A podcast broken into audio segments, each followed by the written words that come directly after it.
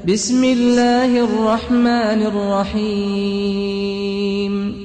بسم الله الرحمن الرحيم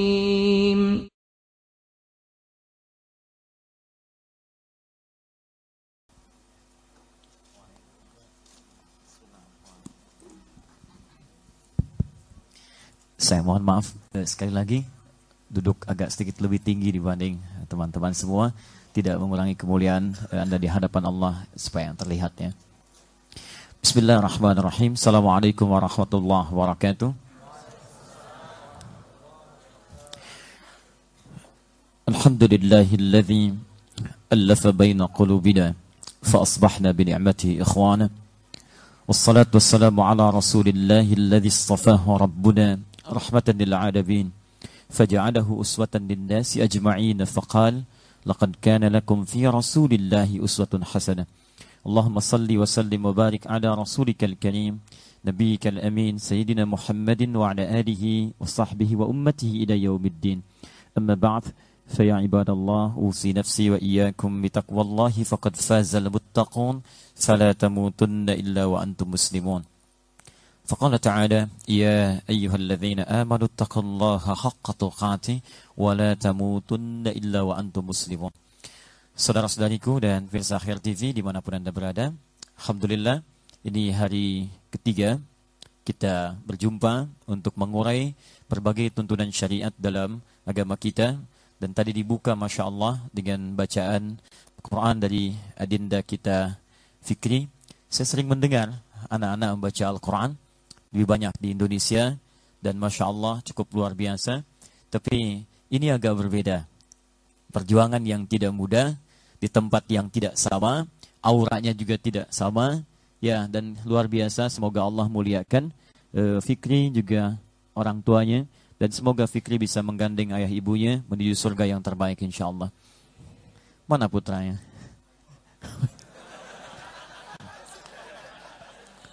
Luar biasa. Baik. Mau rencananya berapa juz, Pak? Huh? Bisa dipanggil lu nggak anaknya? Ayo. Masya Allah. Cukuplah Muhammad Salah ya, yang memberikan duta dalam permainan bola. Si hafal insya Allah. Jadi top skor berkait dengan Roy Keane. Ya. Dan mungkin akan jadi juara insya Allah. Dekat-dekat ini Liverpool akan bertemu dengan Madrid. Ya, pertarungan yang tidak mudah, tapi mudah-mudahan lah. Pelatihnya el, uh, siapa nama Madrid dilatih oleh Zidane. Ya, kemudian uh, Liverpool juga klub, juga klub sebelumnya di Borussia Dortmund, lawan dari Bayern Munchen. Bayern Munchen diambil Joe Hatkins setelah sebelumnya Carlo Ancelotti juga tidak bisa menghadirkan champion untuk dia. Uh, Carlo Ancelotti sebelumnya juga di Madrid, bahkan sebelumnya lagi di Milan, sebelumnya di Chelsea, sebelum itu. Saya hafal, cuma saya nggak pernah nonton nih. Nggak ada kerjaan. Baik. Dan apa hubungan dengan akhir zaman? Nanti kita lihat. Baik, teman-teman kita sebentar saya sangat luar biasa hari ini dengan Fikri, dengan aura yang berbeda. Dan hari ini kita akan banyak mendapatkan sesuatu hal yang berbeda. Karena kita bukan hanya bersama pembahasan akhir zaman, kita pun akan bersama dengan Al-Quran. Hari ini ada mushaf yang sudah dihadirkan.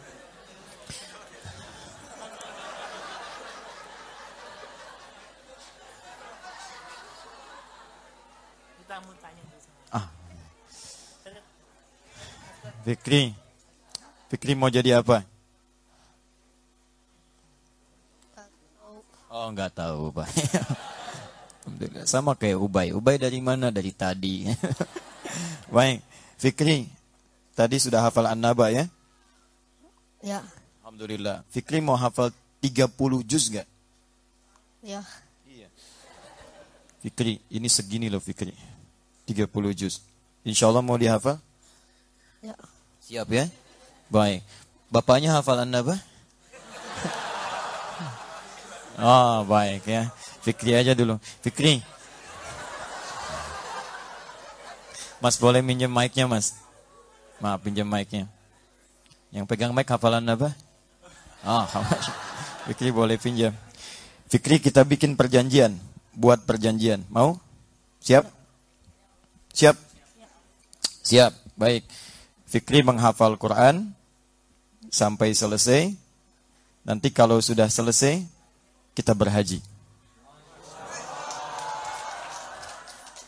Siap ya? Baik, Mas saya kasih hadiah 2000 euro hari ini untuk persiapan hajinya, tapi hanya untuk hajinya Fikri. Jangan dipakai ongkos pulang. Juni mau pulang. Nanti setelah dia 30 juz, baru saya lengkapi. Ini saya sudah siapkan. Saya tidak ada rencana, cuman saya masukkan uang ke sini. Ya, dan saya titipkan lewat Fikri. Jangan dikasih ayah ya.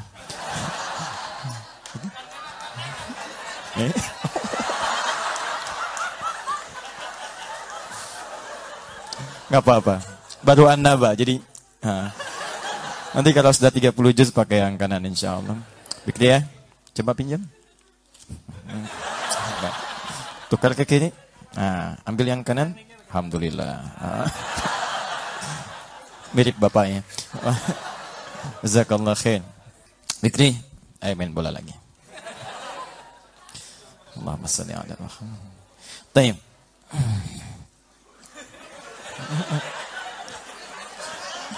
Ah. Pintar bapaknya. Jangan dikasih bapak, kasih ibu. Allahumma salli ala Muhammad. Baik. Hari ini kita mendapati materi yang telah teman-teman sampaikan tentang eh, bagaimana menjalani kehidupan di akhir zaman. Saya ingin membuat satu gambaran dulu supaya pembahasan kita itu dipahami dengan baik. Kita punya tahapan-tahapan yang utuh sehingga tidak menghasilkan kesimpulan yang melompat. Saya sering perhatikan ketika beberapa kawan membahas tentang pembahasan akhir zaman, output yang dihasilkan sering mengalami lompatan-lompatan. Membahas akhir zaman tiba-tiba jadi takut beraktivitas, ke kantor kemudian juga sepi, ya. Kemudian setelah itu mic-nya jadi semakin tidak jelas. Baik. Oke, ini lebih jelas, Pak ya. Baik. Ah, ini mic akhir zaman. Baik. Dan karena itu yang jadi persoalan kemudian banyak orang mengurung diri.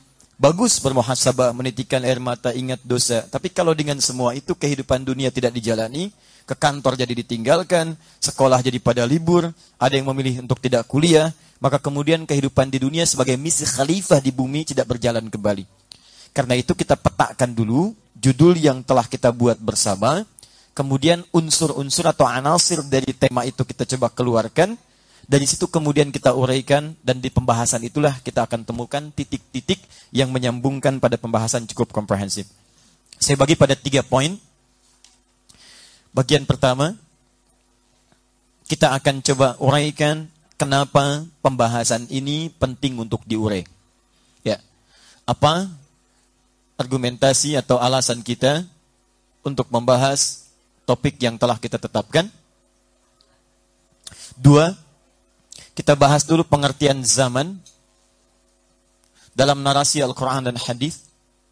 Kalau disebut zaman itu apa? Karena nanti bahasa Quran turunannya tidak langsung menyebutkan zaman. Ya, nanti ada asr, ada kemudian sah. Di hadis Nabi nanti ditemukan kalimat zaman. Nanti ada kata waktu. Apa perbedaan empat istilah ini? Ya, setelah itu nanti kalau kita bicara zaman ini maksudnya. Kalau bicara sah ini maksudnya. Kenapa di hadis Al-Bukhari nomor hadis 989 disebutkan ya takarabuz zaman, bukan tatakarabuz sa'ah. Tapi kenapa di hadis Muslim nomor hadis yang ke-8 ketika malaikat Jibril turun bertanya mata sa'ah, bukan mata zaman.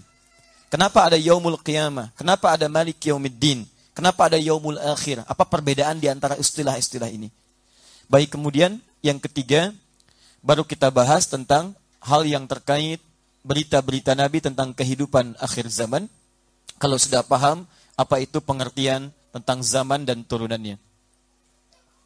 Setelah itu poin yang keempat masuk pada bab yang keduanya adalah tentang bagaimana persiapan kita menghadapi tentang kehidupan akhir zaman yang dituntunkan oleh Nabi Sallallahu Alaihi Wasallam. Jadi kita harapkan bukan sekedar menjadi informasi yang naratif disampaikan, tapi kita punya bekal untuk menyikapinya. Di fase kita sekarang saat ini kita berada di hadis-hadis mana yang disebutkan Nabi. Bagaimana cara menjalaninya? Jangan-jangan yang paling yakin tentang ini justru bukan kita saat ini yang kita rasakan. Mungkin orang lain yang justru dalam hal keimanannya tidak sama dengan kita. Saya jalan-jalan ke Red House. Bukan untuk jalan-jalan semata, tapi ingin melihat apa yang ada di dalamnya. Ternyata begitu melihat dari kejauhan, oh sudah punya persiapan, luar biasa. Tadi kami dari uh, Uni Hamburg. Ya, kita ke sana, saya masuk ke dalam salah satu fakultas di kampus yang bagiannya kita masuk divisi atau bagian e, orientalis. Kita lihat juga tempatnya, gambarnya, bahkan visinya dan seterusnya. Saya pikir korelasinya luar biasa. Kalau tarik lebih jauh lagi, itu lebih hebat lagi. Nanti saya kisahkan bagaimana seorang Frederick Barbarossa, saya dilantik tahun 1152, yang patungnya kemudian dipajang di Red House. Teman-teman yang Hamburg mungkin sudah pernah ke sana. Anda begitu melihat tengah-tengahnya di atasnya kemudian ada dua patung. Sebelah kanannya Frederick Barbarossa, kemudian sebelah kirinya Charles the Great. Sebelah kanannya lagi diapit oleh sembilan patung, sebelah kirinya sembilan patung, sembilan tambah sembilan delapan belas tambah dua dua puluh. Di atasnya ada patung Yesus kanan kiri, di atasnya lagi ada seorang perempuan. Ke dalam masuk dua pintu, dua pintu, pintu pertama, pintu kedua. Sebelah pojoknya ada tujuh kemudian tokoh di atasnya yang kemudian menjadikan narasi-narasi bintang yang jadi kemudian kepercayaan. Nah, apa gambaran dari semua itu? Apakah sekedar gedung atau ada visi yang ditanamkan? Dan itu akan membentuk karakter masyarakat yang Anda akan temui dalam kehidupan Anda di Jerman, khususnya.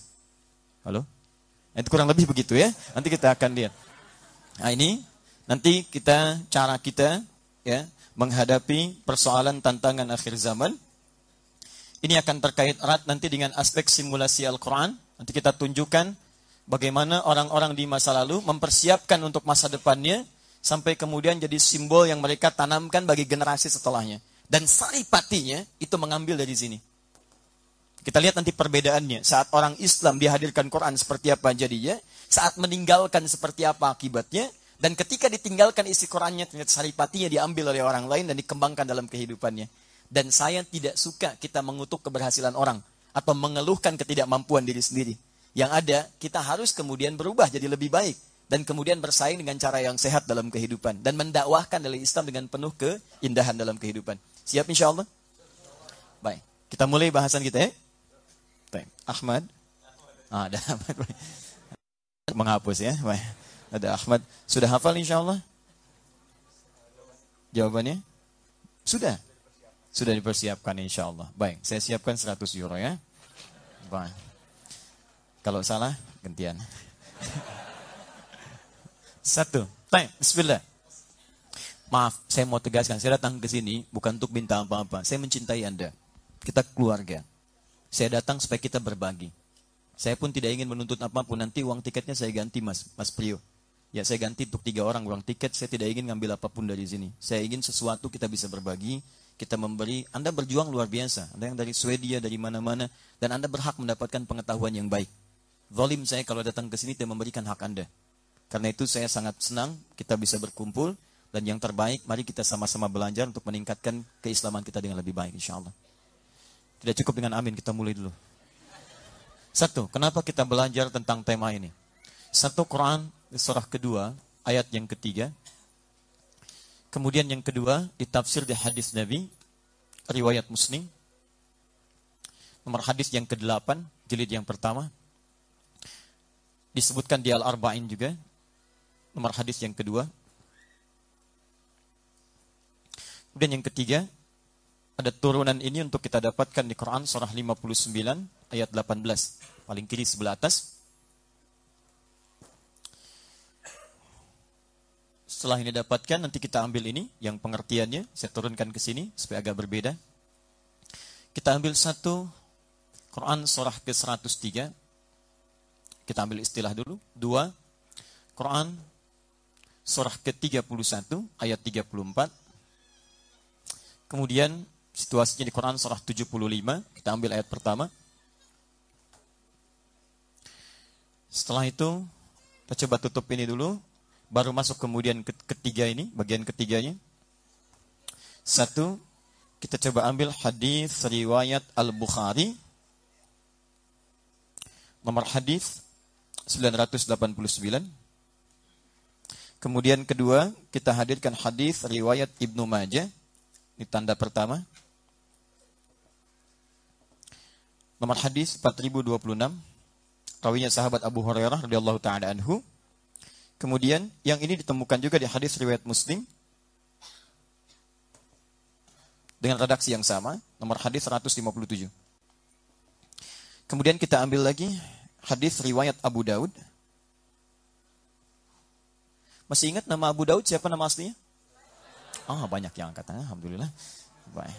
Semoga Allah berikan pahala. Nomor hadis 4297. Ya. Ini dulu, kemudian kembali ke hadis Muslim. Kita ambil hadis riwayat Muslim. Hadis 6 sampai dengan ke-7. Kalau punya kitabnya halaman 111. Jilid pertama, paling kiri, sebelah atas. Riwayat sahabat Abu Hurairah radhiyallahu taala anhu.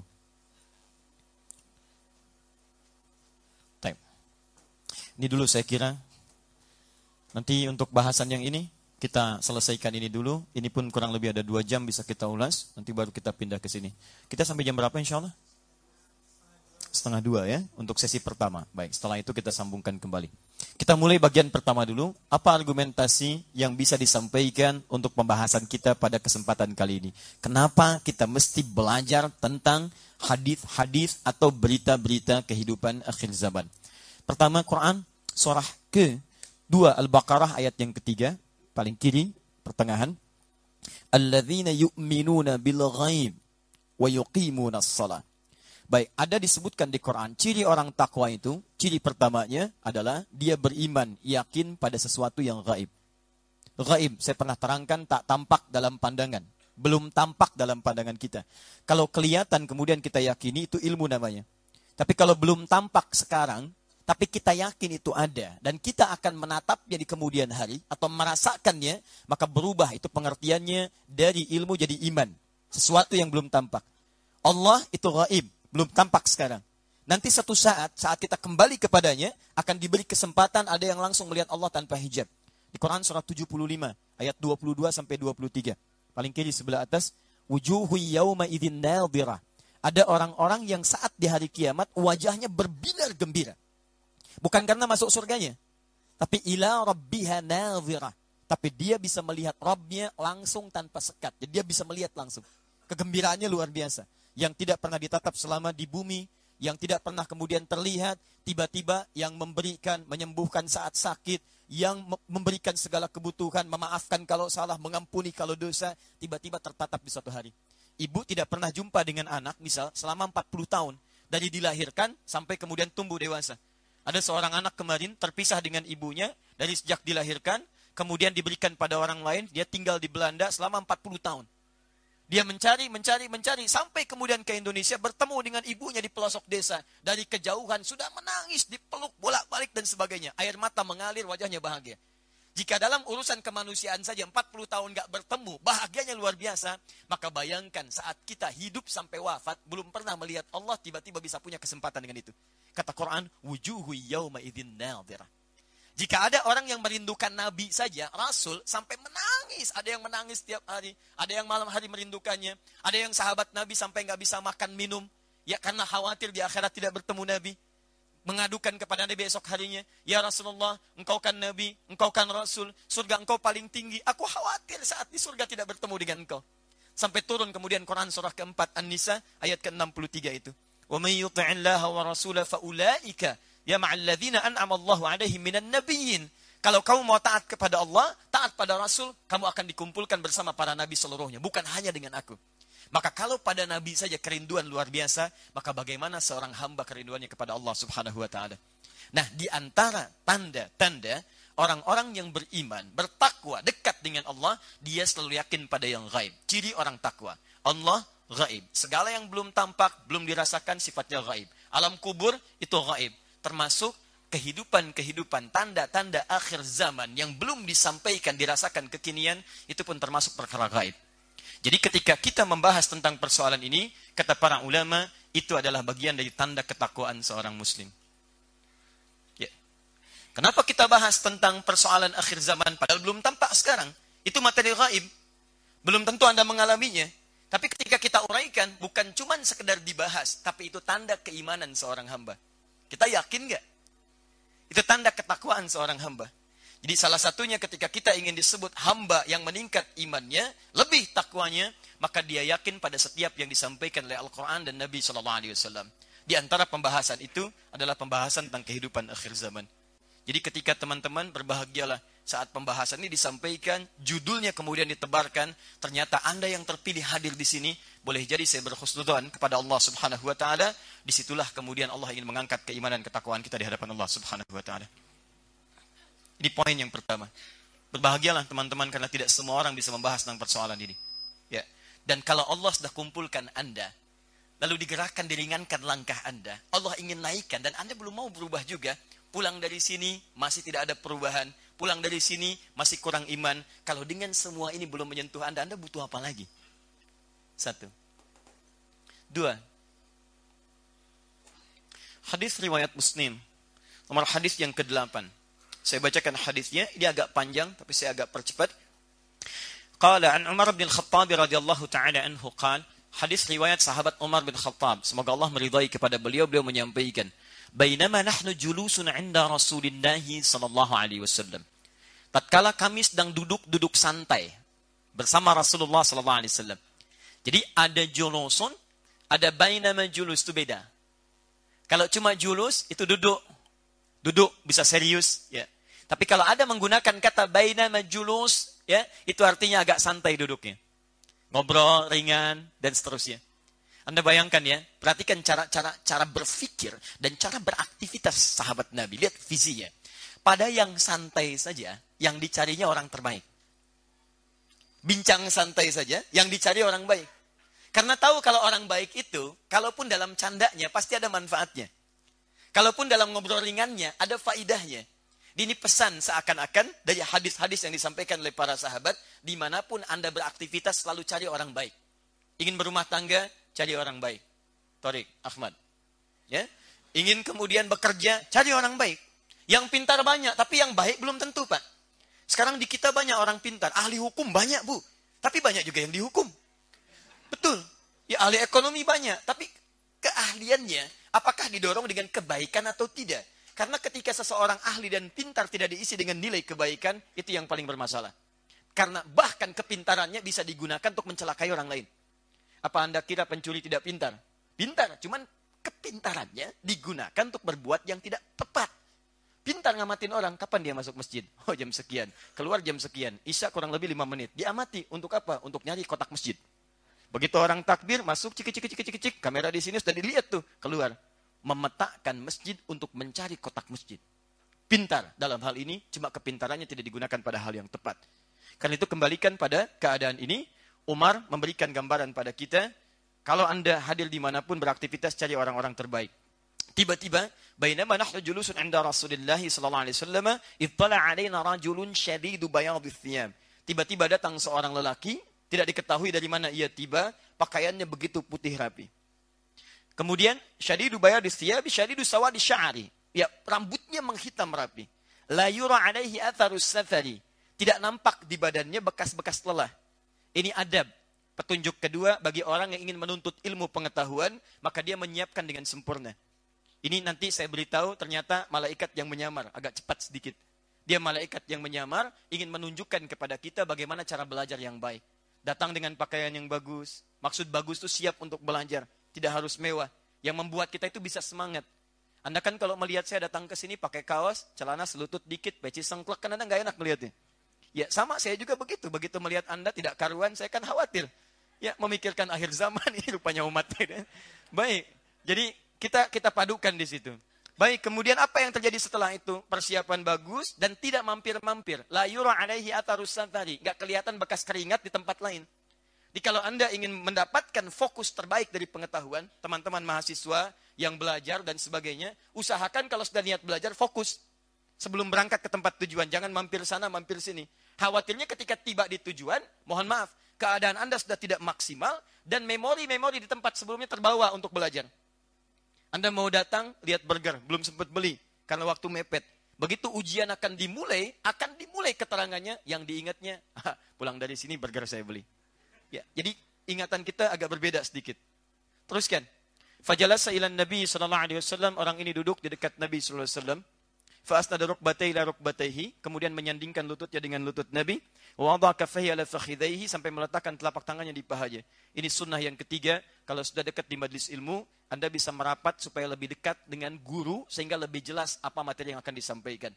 Itu lebih bagus. Datang, mendekat, kemudian jelas disampaikannya, jelas diuraikan, dan bisa terdengar dengan sempurna. Saya agak cepat, tiba-tiba orang itu bertanya, satu, Ya Muhammadun akhbirni anil Islam. Ya Muhammad tolong terangkan kepadaku tentang pokok-pokok keislaman. dijawab oleh Nabi, selesai. Saya percepat hadisnya. Kedua bertanya tentang iman, dijawab oleh Nabi, selesai.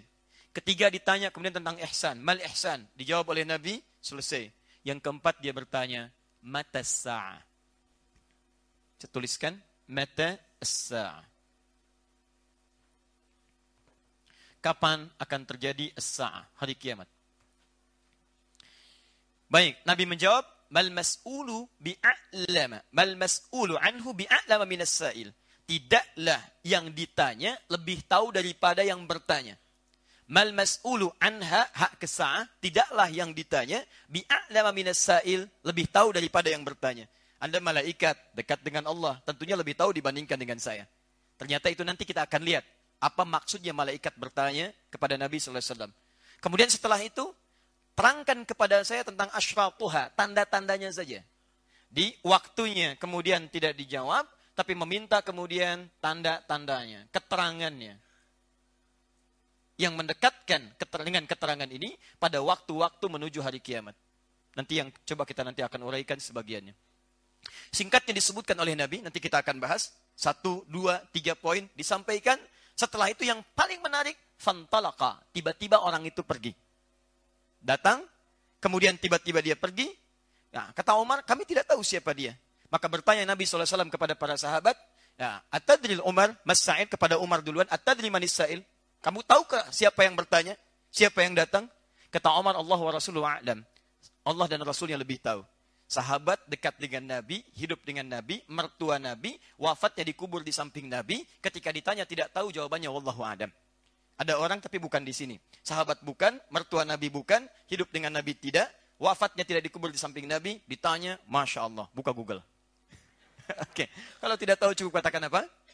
Allahu alam. Baik kata Nabi, huwa Jibril atakum yu'allimukum dinakum. Dia Jibril datang menyamar ingin mengajarkan tentang prinsip-prinsip dalam agama. Ternyata pembahasan tentang kehidupan akhir zaman itu termasuk pembahasan pokok-pokok dalam agama menurut hadis ini.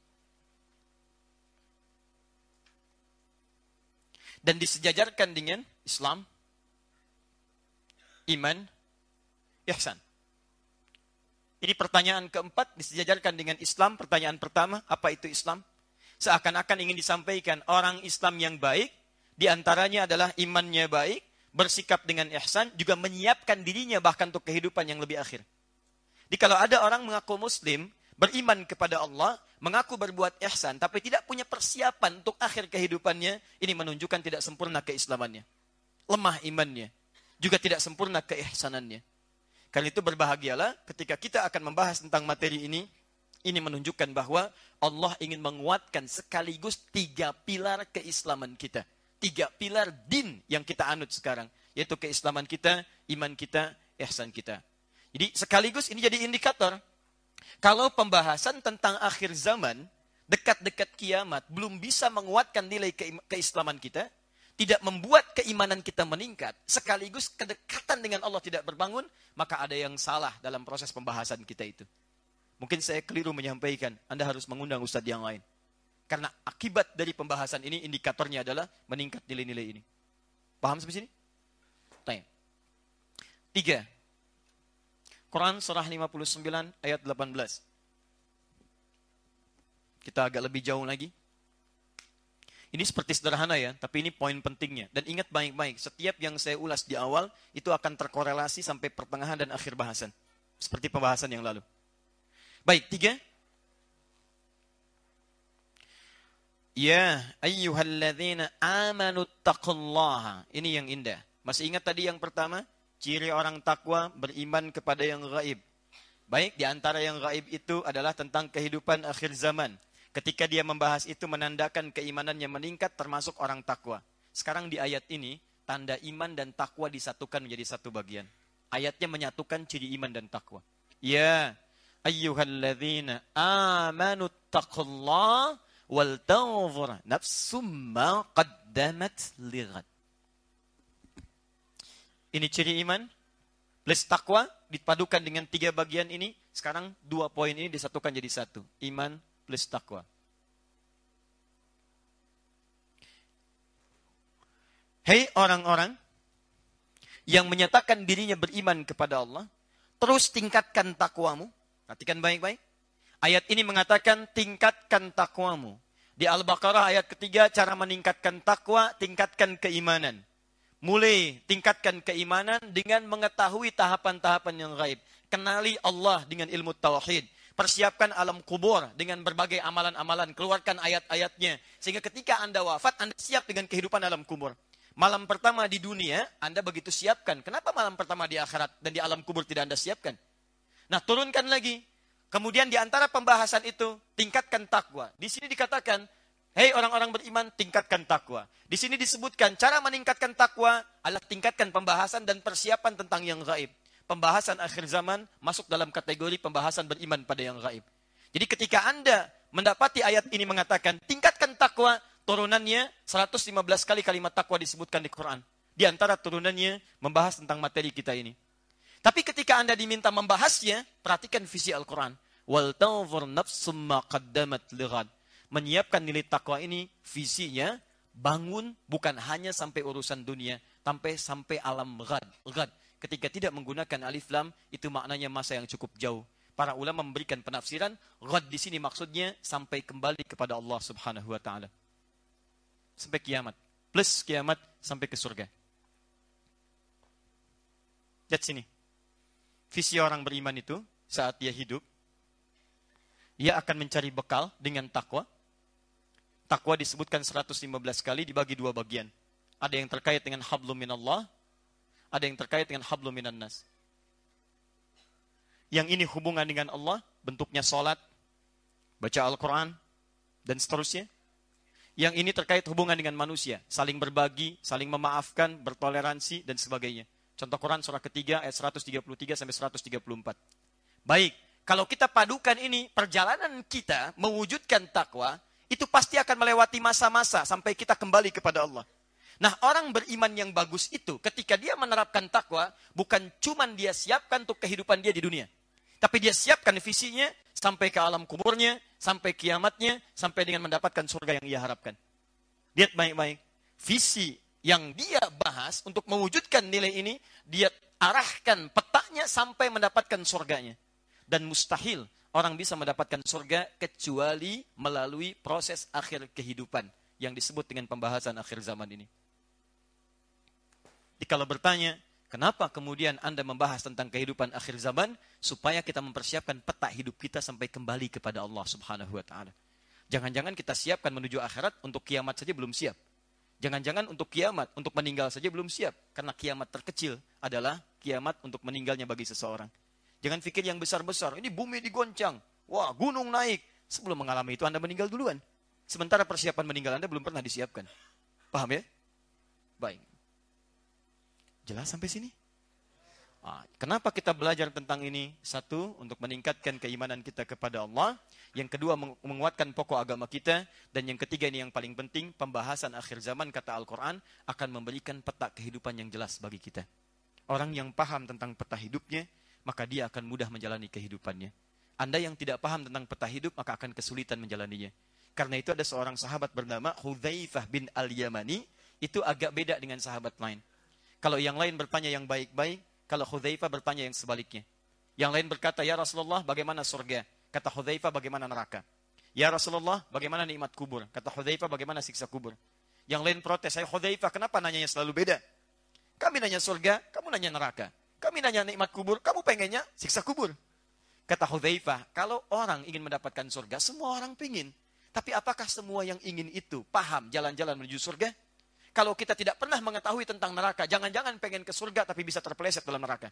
Anda yang tidak tahu jalan ke sini, bahwa di sebagian jalan ada lubangnya, ada yang licinnya, tidak tahu di mana tepatnya lubang dan licinnya, besar kemungkinan Anda bisa tergelincir dalamnya.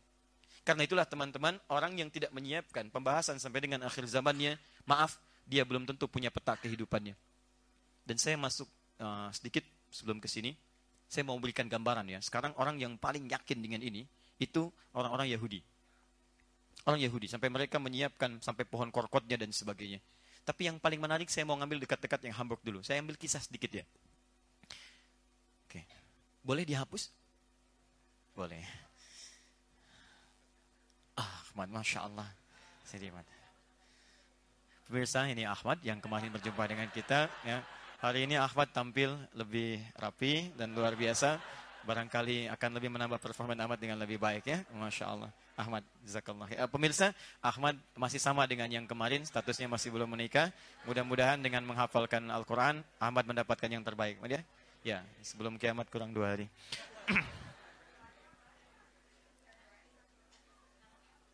Baik. Ya. Nah. Zakallah khair. Menghapus demi 100 euro.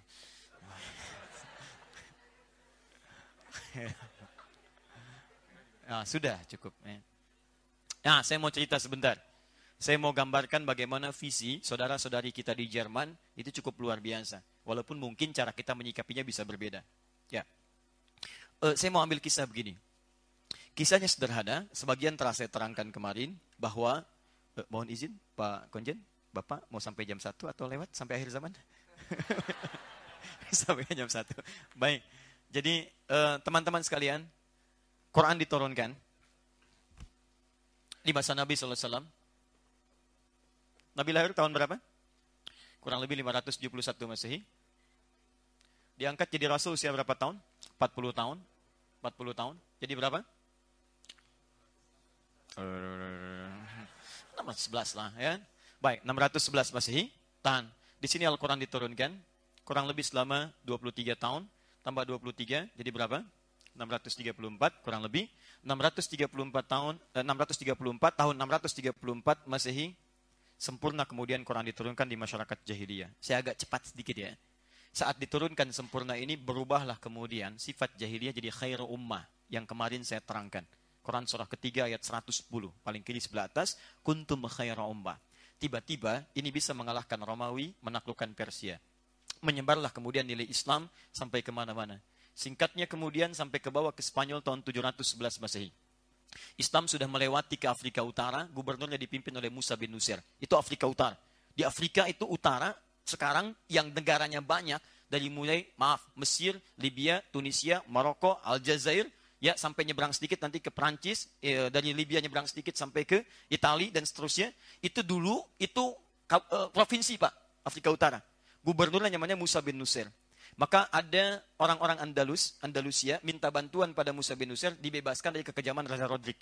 Raja Rodrik luar biasa kejamnya pada saat itu, rakyat diminta bantuan supaya dibebaskan. Jadi nggak ada ekspansi penjajahan orang Islam ke Spanyol. Yang ada permintaan orang Spanyol minta dibantu. Maka dikirim kemudian Tariq bin Ziyad Tariq bin Ziyad dengan 7.000 pasukan, kemudian mulai datang ke sana, ya sampai kemudian diserat yang disebut kemudian dengan Jabal Tariq, orang sana menyebutnya dengan Gibraltar, kemudian beliau di situ berpidato, kemudian terjadi pertempuran di daerah namanya Kabah, di situ kemudian berpidato sebelumnya, eh bakar semua kapalnya. Siapa yang mau syahid ada di depan, siapa yang mau meninggal biasa silahkan berenang kembali. Kemudian setelah itu berkobar semangatnya, singkatnya kemudian ditaklukkanlah Raja Rodrik, Ya, tadinya mau kembali kemudian ke Afrika Utara, tapi diminta oleh orang Spanyol untuk tinggal. Tolong bantu kami, tolong bangun dan sebagainya. Singkatnya, dibangunlah peradaban di sini. Al-Quran yang diturunkan di sini dibawa nilainya sampai ke sini. Diajarkan, diajarkan, disampaikan sampai tibalah mercusuar keislaman di Eropa, peradaban Islam di Eropa. Pengetahuan meningkat, segalanya meningkat. Yang paling hebat adalah, nanti saya masuk ke Hamburg ujungnya. Yang paling hebat teman-teman sekalian, ini mereka baca Quran, mereka kemudian berinteraksi dengan Al-Quran, dengan hadis-hadis Nabi, itu bisa menemukan penemuan-penemuan, bisa menemukan pengetahuan-pengetahuan terbaru, dan hebatnya bisa membangun nilai Eropa pada saat itu. Sehingga Italia belajar ke situ. Kemudian Spanyol juga belajar, Spanyol belajar karena di dalamnya. Portugal belajar ke situ. Termasuk dari Jerman dikirim ke sana. Teman-teman apa yang terjadi? Banyak ditemukan pengetahuan yang sangat luar biasa. Siapa penemu pesawat terbang? Wait bersaudara, bagi Anda yang di Jerman. Tapi prototipe ditemukan bukan oleh itu. Ibnu Firnas namanya. Lahir tahun 810 Masehi. Ibnu Firnas bagaimana menemukan pesawat terbang? Dia baca surat Al-Mulk. Dibaca surat Al-Mulk. Begitu dibaca surat Al-Mulk, Allahu Akbar. Masuk ayat 17, 18, 19. Wattayra safati wa yaqbidna ma yumsikuhunna ila rahman. Ya, burung itu kalau diamati bisa di atas kepak katup, kepak katup dia terbang. Kalau bukan karena Allah yang maha kasih, menahan dia di udara, mustahil dia bisa terbang. Begitu diamati, oh berarti bukan karena burungnya bisa terbang. Karena Allah kemudian memberikan kuasa burung bisa bertahan di udara. Bagaimana caranya? Diamati, lihat sayapnya. Ada rumus di Qurannya, kepak katup, kepak katup dilihat. Dimodifikasi, dibuatlah kemudian contoh-contoh model sayap pada saat itu. Dipakaikan tangan kanannya, tangan kirinya. Dibikin prototipe pada saat itu. Naik kemudian dia ke menara yang tinggi. Mulai, mulai terbang. Pertama jatuh. Bikin lagi, jatuh lagi. Sempurnakan lagi. Masya Allah terbang 20 menit. Jatuh, cedera, meninggal. Ya, baik. Tapi hasil dari situ kemudian menemukan satu penemuan yang luar biasa. Dan kelak kemudian hari akan dikembangkan oleh seorang lagi pakar dari Turki, Muslim juga. Poin saya adalah dia baca Al-Nuq kemudian menemukan apa? Menemukan prototipe pesawat terbang. Ada lagi yang lain Jabir ibnu Hayyan. Taib Jabir ibnu Hayyan baca Al-Quran, Quran surah ke-57, Al-Hadid teman-teman sekalian. Ayat 25, wa anzalna al-hadid sampai 26-nya. Begitu dibaca penasaran, ini kok ada berita kayak besi itu beda unsurnya dibawa ke rumahnya, masuk ke laboratorium sederhananya, dianalisis oleh beliau sampai menemukan apa yang disebut dengan atom kemudian hari. Dan hebatnya sampai sekarang tanda untuk atom sama persis dengan bilangan-bilangan Qurannya. Bukankah nomor atom besi ferum, Fe, F besar, E kecil adalah nomor 26? Ya kan? Ferum nomor 26. Bukankah 26 ini punya 4 isotop? Isotop 55, 56, 57, 58 untuk menjaga keseimbangan atomnya. Mana yang paling stabil? 57. 57, surah ke-57 ayat ke-26. Sampai hari ini. Diteruskan sampai ketemu John Dalton di kembang. Anda harusnya lebih hebat daripada saya tentang masalah itu. Ya, ini poinnya teman-teman sekalian. Ada di sini. Yang hebat lagi, kembangkan lagi. Ibnu Sina. Anda kenal Ibnu Sina? Oh, yuk kenal. Kenal di mana? Luar biasa. Avicenna. Baca Quran, dikembangkan interaksi dengan Quran. Apa yang terjadi? Ketemu lagi pembahasan-pembahasan buat kedokteran. Kapital selekta yang dikenal dengan Al-Qanun tentang masalah fisik. Ashifa tentang metafisiknya. Tapi yang paling hebat, kitabnya Al-Basair. Meneliti malaikat ketika membaca surah Al-Ma'arij. Dipadukan dengan surah 32 saja ayat yang kelima. Menganalisis malaikat bolak-balik seharinya seribu tahun. Bolak-balik malaikat diciptakan dari cahaya. Dianalisis cahaya bolak-balik, dihitung pecahan desimalnya. Ditemukan penelitiannya oleh Einstein di kemudian hari. Dikenal dengan teori I sama dengan MC kuadrat. Banyak dibahas, dibahas, dibahas, dibahas. Hebat lagi. Bahkan penelitian jahiliyah tentang teori irama pada saat itu. Rumusnya 16. Dikenal dengan bahar. 16 rumus. Dulu dikenal dengan rumus syair. Ilmunya ilmu arud. Ke kekinian. Ada tawil, ada rajas, ada madid. Tawilun lahudun al-buhuri fadailu. Fa'ulun mafa'ilun, fa'ulun mafa'ilu. Rajas mustaf'ilun, mustaf'ilun, mustaf'ilun. Mustaf'ilun, mustaf'ilun, mustaf'ilun. Madid mufa'alatun, mufa'alatun, fa'ilatun. Mufa'alatun, mufa'alatun, fa'ilatun. Masuk masa Islam dianalisis berubah teman-teman. Jadi cabang pengetahuan. Ini berubah jadi nazam. Nazam ini digunakan yang tadinya ini untuk musik, digunakan untuk menambah nilai pengetahuan. Masuklah alfiah. Cara merumuskan rumus-rumus syair, tapi untuk menguasai teori bahasa Arab. Seribu dua bait. Muncul kemudian alfiah Ibnu Malik. Kalamun lafdun mufidun kastaqim wasmun mufidun thumma harfunil kalim. Wahiduhu qawlu am wal kimatun biha kalamun qad yu'am. Bil jari wat tanwini wan nida wa al. Musalin ismi tamidun hasal. Bitafa'alti atat wa ya'if andi wa nunik balan nafi'un jali. Masuk ada teorinya alfiah hadisnya as-suyuti. Ada alfiahnya untuk di ilmu qiraat. Semua keilmuan. Yang hebat orang-orang barat datang belajar ke situ. Selesai dari situ dibawalah kemudian pengetahuan itu keluar. Diterangkan lagi. Tapi sayang mohon maaf orang-orang Islam pada saat itu sudah bertahan hebat luar biasa, tapi di awal abad ke-12 mereka lupa. Terjadilah apa yang disyaratkan Nabi oleh tanda-tanda kehidupan akhir zaman. Nanti hadisnya kita sebutkan, ketika berlaku itu, Qurannya ditinggalkan, hadisnya dijauhi, kehidupan ini mulai terjadi, prediksi Nabi yang telah disampaikan sebelumnya, ini tidak dijaga dengan kuat. Mereka tidak belajar itu sehingga lalai dengan itu semua. Terjadilah kemudian saling perebutan takhta, bersatulah kemudian Ferdinand dan Isabella, dan kemudian hilanglah kekuasaan itu. Bahkan sebelumnya terjadilah perang salib di awal tahun 1095 sampai seterusnya, sampai menghasilkan seorang Raja Agung di tahun 800 persiapannya dikenal dengan Charles the Great. Charles the Great kemudian dibayat, ya pada saat itu, dia kemudian menjadi Bapak Eropa, Bapak Eropa dikembangkan sampai muncullah menyebar tahun 1152 dinobatkanlah seorang bernama Fredrik Barbarossa untuk dinobatkan sebagai raja di bagian Eropa dan kemudian ditahbiskan uh, oleh Adrianus yang keempat di Aachen, kemudian diberikan mahkota sampailah dia di Hamburg dan jadilah kemudian dipajang sebagai bapak Jerman masuk di uh, Red House pada saat ini, sebelah kanan posisinya. Tahun 1155 dia datang ke Italia, datang ke Italia meluaskan wilayahnya untuk ekspansi dan dikenal dengan si janggut merah. Luar biasa. Dan berjanggut pada saat itu, nggak ada masalah. Gak ada hubungan dengan teroris dan sebagainya. Itu ya. Bapak Jerman itu berjanggut. Ya, dan sekarang banyak yang berjanggut karena masalah. Lionel Messi berjanggut. Dan ketika dia berjanggut, banyak memasukkan golnya. Luar biasa ya. Jadi rupanya janggut berkorelasi dengan peningkatan kejeniusan mencetak gol. Sergio Ramos berjanggut. Sejak dia berjanggut, semakin pede dia mentekel orang lain. Ya, Muhammad Salah berjanggut. Dia kan masalah gitu ya. Halo. ah ini kembali. Nah, maksud saya, ketika ini selesai, terjadi tahun perjanjian Tordesias tahun 1492, dibagi dunia pada dua bagian oleh Paus Alexander yang ke-6, ya, kemudian Portugal dia mendapatkan bagian timur, Spanyol bagian barat, penyebar keduanya. Saat menyebar itulah teman-teman sekalian, fokus kepada tiga bagian utama. Mereka mengekspansi untuk mendapatkan glory kemenangan, mereka kemudian mencari suatu hal untuk didapatkan, gold, emas, rempah-rempah, dan sebagainya, dan terakhir menyebarkan misi. Ditebarkanlah kemudian misi yang baru, menyebar kemudian berjauhan, dan terakhir bagaimana caranya umat Islam itu tidak bangkit kembali dengan kembali kepada nilai-nilai Qurannya. Akhirnya dibuatlah sebuah divisi khusus dinamakan dengan orientalis. Orientalis ini membuat kampus-kampus dari orang-orang yang pernah belajar sebelumnya kepada masa Islam. Ditempatkanlah di daerah-daerah sekutu itu. Ada yang kemudian di Paris, ada yang di Jerman, ada yang kemudian di Italia, ada sebagian tempat. Sampai menyebar kemudian sekarang ada di Rusia, di Amerika, di Belanda, dan seterusnya. Anda tahu apa yang terjadi? Itu dimintakan supaya ini tetap maju, yang ini kemudian untuk menenggelamkan umat Islam sehingga dia tidak sadar kembali dengan nilai-nilai Al-Quran yang telah diajarkan termasuk akhir kehidupan akhir zaman. Dan saat Anda masuk ke Red House itu, Anda akan melihat 20 patung terdiri dari koalisi yang pernah menampilkan nilai sejarah ini. Di situlah kemudian Anda bisa melihat bagaimana pasukan yang dipimpin oleh tadi, Barbarosanya, samping kanannya Anda melihat misinya, samping ke sananya lagi Anda melihat orientalisnya. Dari situ kemudian dibuat kampus-kampus termasuk Uni Hamburg dan sebagainya dengan bagian dari turunan-turunan fakultasnya. Maka jangan heran kalau Anda di Eropa menemukan orientalis. Kalau pemikirannya masuk ke situ, kalau ada misi yang sangat kuat itu tidak ada masalah. Kita jangan mengeluhkan dan mencela itu karena memang itu yang mereka telah lakukan dan mereka telah rencanakan. Persoalannya adalah jangan Anda kutuk hal semacam itu. Yang kita harus lakukan menampilkan nilai Islam yang terbaik kekinian. Pelajari lagi, pelajari lagi, pelajari lagi. Karena berita baiknya adalah sebagian bahkan warga sendiri tidak memahami tentang peristiwa itu. Sekarang orang sudah nggak peduli.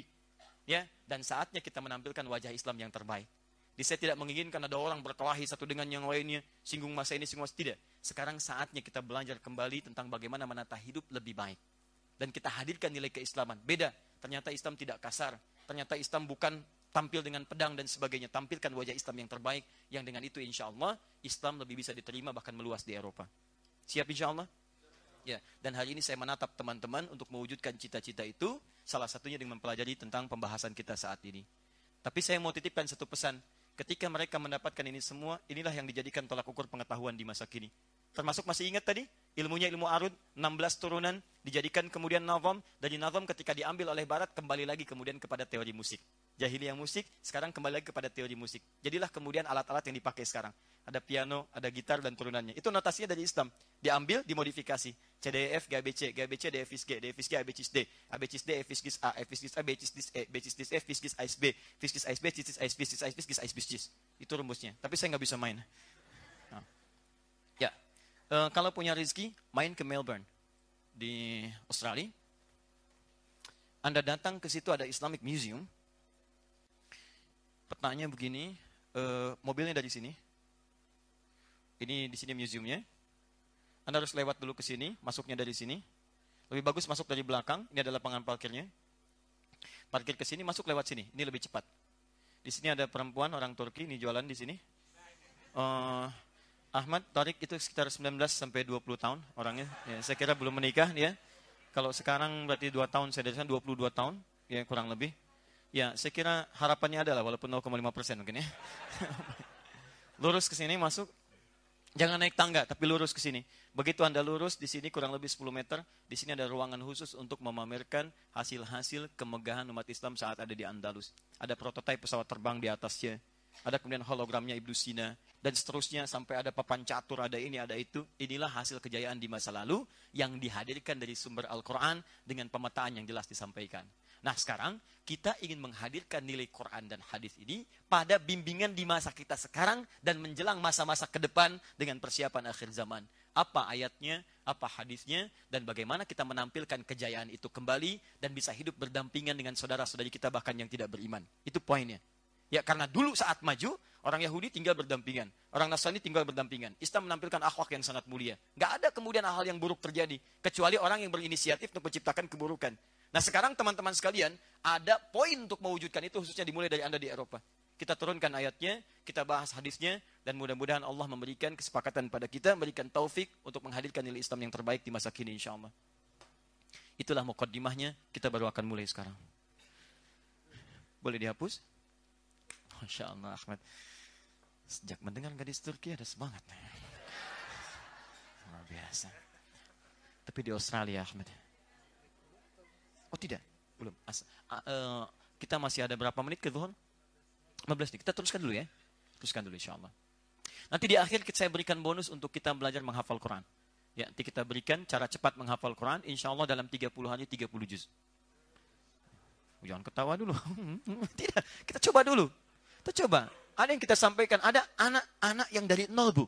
Dari nol, 27 hari hafal. Ada yang 25 hari dan seterusnya. Nanti kita akan coba lihat. Nanti saya tunjukkan pada Anda, kita itu orang hebat sebetulnya. Nanti saya tunjukkan bagaimana kurang dari lima menit kita bisa hafal lima ayat dengan nomornya, dengan halamannya, dengan posisinya dan sebagainya. Baik, kita mulai ya. Bismillah. Kita mulai dengan bagian ini dulu, pengertian. Kehidupan akhir zaman. Apa itu zaman? Dalam bahasa Arab, waktu dibagi tiga bagian. Waktu, waktu itu dari bahasa Arab, al-waqt. Satu, dua, tiga. Ada yang disebut dengan, pertama, Allah az-zaman, saya turunkan dulu. Ini kalau mau panjang ininya, kalau mau dipendekin, jadi pendek, az-zaman, bisa begini. Kemudian, yang kedua, ada al-asr, yang ketiga ada as-sa'ah. As-sa'ah, sa'atun, sa'ah. Ini kita turunkan di hadis Al-Bukhari, ini saya teruskan, nomor hadis 989. Dalam Al-Quran, satu surah, Quran surah ke-103. Yang ini kita ambil contoh Quran surah ke-31 ayat 34, ayat terakhir. Saya ingin kita paham akarnya dulu ya. Di kalau nanti membahas tentang peristiwa akhir zaman yang dimaksud mana? Apakah sa'ah atau asar atau zaman? Ya. Baik. Kalau disebutkan zaman itu waktu secara umum. Dari awal bermula hingga selesai. Awal saat bumi diciptakan sampai kita kembali kepada Allah. Kalau ukurannya ukuran kehidupan dunia. Di fase kehidupan, fase dari Nabi Adam diturunkan ke bumi, Quran surah kedua ayat 38. Fase kemudian berkembang keturunan, muncul Nabi Nuh sampai Nabi Muhammad SAW. Quran surah keempat ayat 163. Ya sebelumnya menyebar generasi, Quran surah 49 ayat yang ke-13. Sampai kemudian, mohon maaf ya, terjadi kiamat, akhir kehidupan sampai kembali kepada Allah. Nama umum bagi waktu yang kita lalui, umumnya itu disebut dengan zaman. Jelas ya? Taib detil waktu yang kita jalani ya, kalau ini nama umumnya, nah masa masa setiap bilangan waktu terkecil yang kita jalaninya, ya sekarang, nanti, besok yang kita jalani realnya itu disebut dengan asr namanya. Asr. Asr itu bukan sore. Kalau sore masa namanya, masaun. Masa'an. Masa'an khir. Semoga sore ini Anda mendapatkan kebaikan. Asar itu bukan sore. Asar itu adalah setiap kesempatan, titian waktu yang Allah berikan kepada kita untuk beraktivitas. Dan mohon maaf, kata Allah, ada orang yang saya berikan modal waktu, tapi rugi dia. Tidak memanfaatkan modal itu dengan baik. Maka turun Quran surah 103. Walaus. Saya bersumpah demi kesempatan waktu yang saya berikan pada setiap manusia untuk beraktivitas. Nama manusia yang ditunjuk dengan totalitas aktivitasnya diistilahkan oleh Al-Quran dengan nama insan namanya. Insan. Disebutkan 65 kali dalam Al-Quran, di 63 ayat, di 43 surah berbeda. Ada surah ke-76 namanya Al-Insan. Kalau disebutkan insan artinya manusia berdasar dari totalitas aktivitasnya. Dari bangun tidur sampai tidur kembali.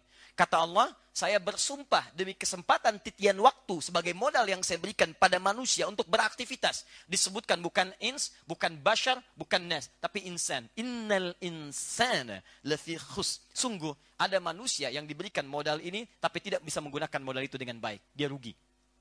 Oke, kalau saya berikan Anda 24 ribu euro. Misal, untuk berniaga. Kemudian tiba-tiba Anda pulang, cuma bawa 20 ribu euro. Berapa ruginya? 4 ribu. Oke. Okay. Ada yang pulang cuma bawa 18 ribu euro. Berapa ruginya? 6 ribu. Ada yang pulang cuma bawa 4 ribu euro. Berapa ruginya?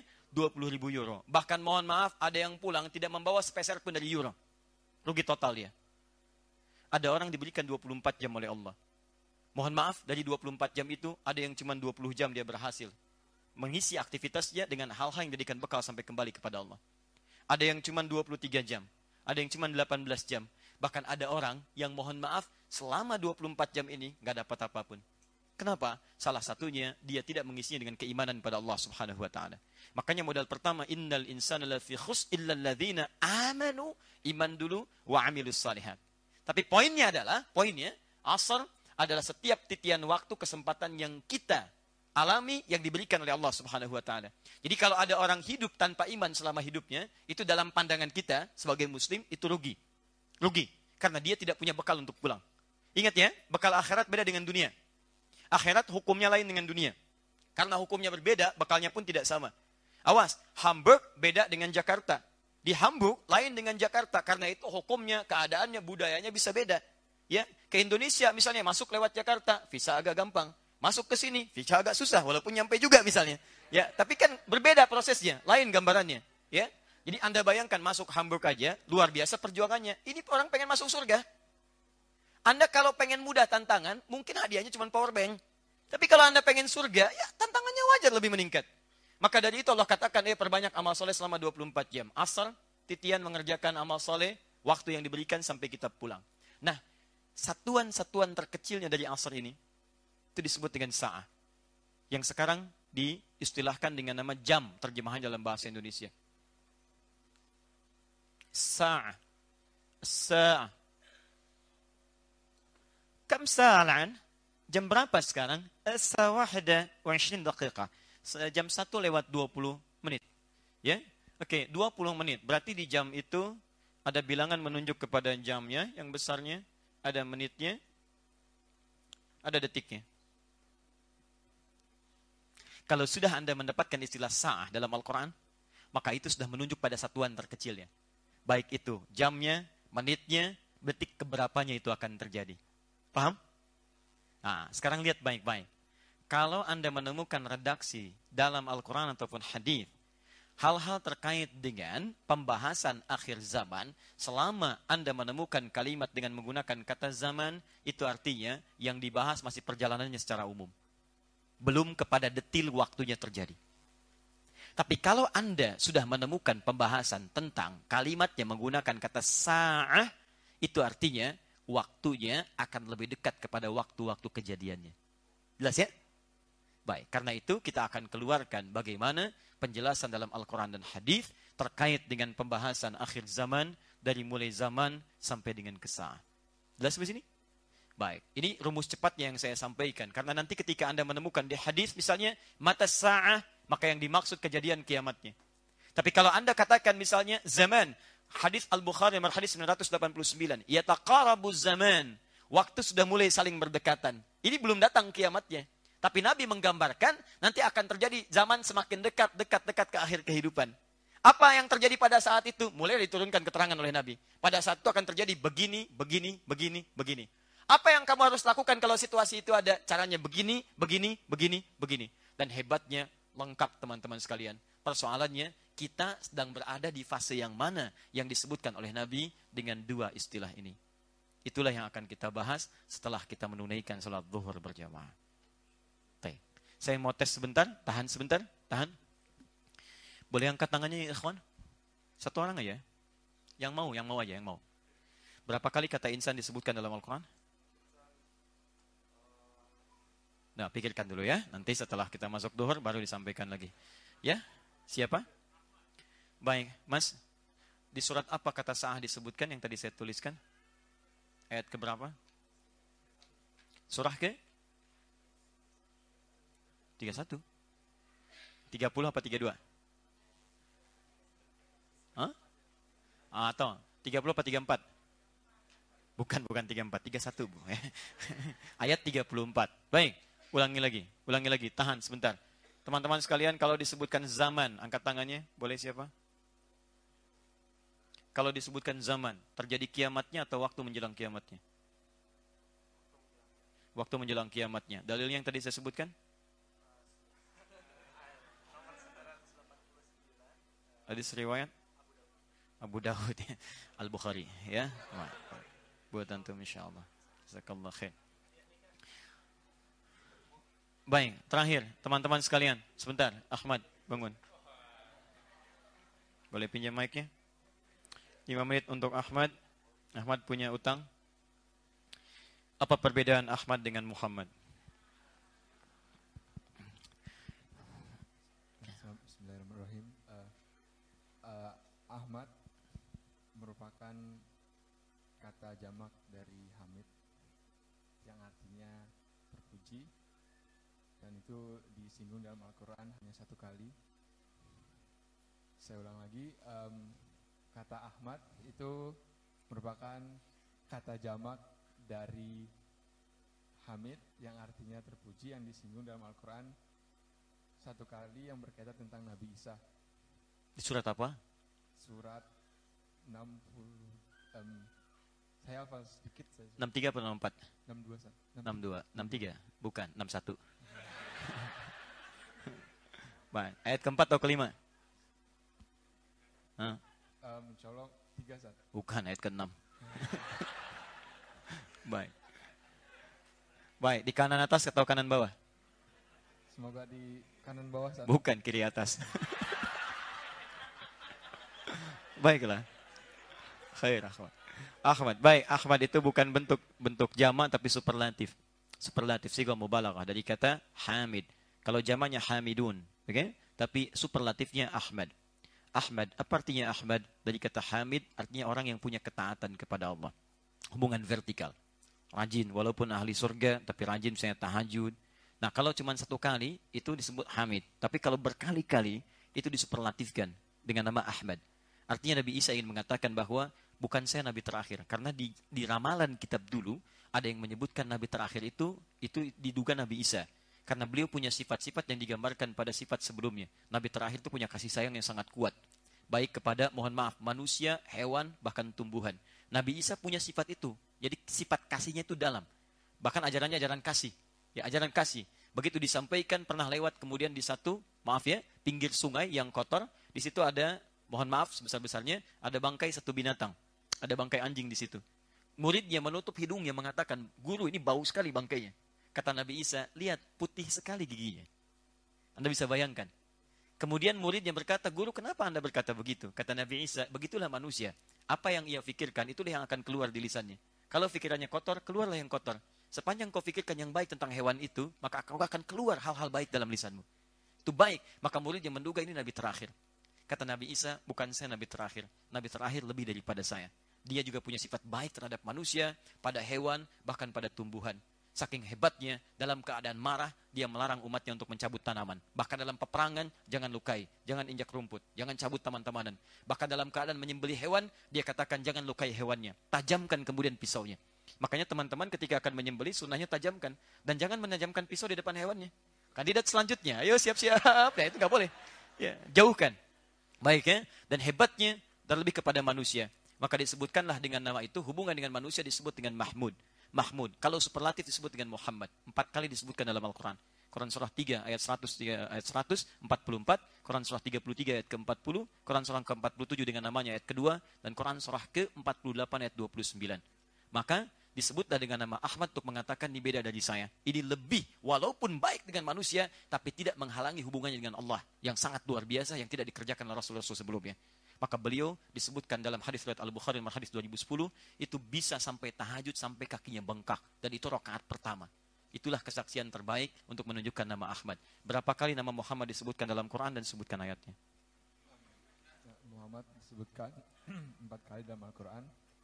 Salah duanya uh, su- surat 47 ayat kedua dan 48 ayat 29. Terus Terus dua lagi. dua lagi saya enggak 100 euro.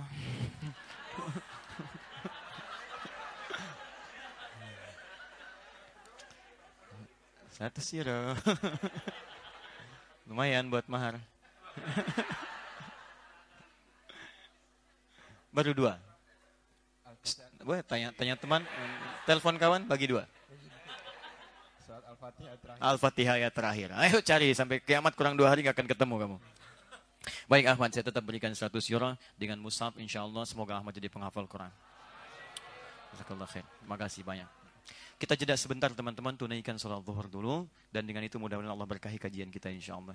Subhanakallahumma bihamdika asyhadu an la ilaha illa anta astaghfiruka wa atubu ilaik. Assalamualaikum warahmatullahi wabarakatuh.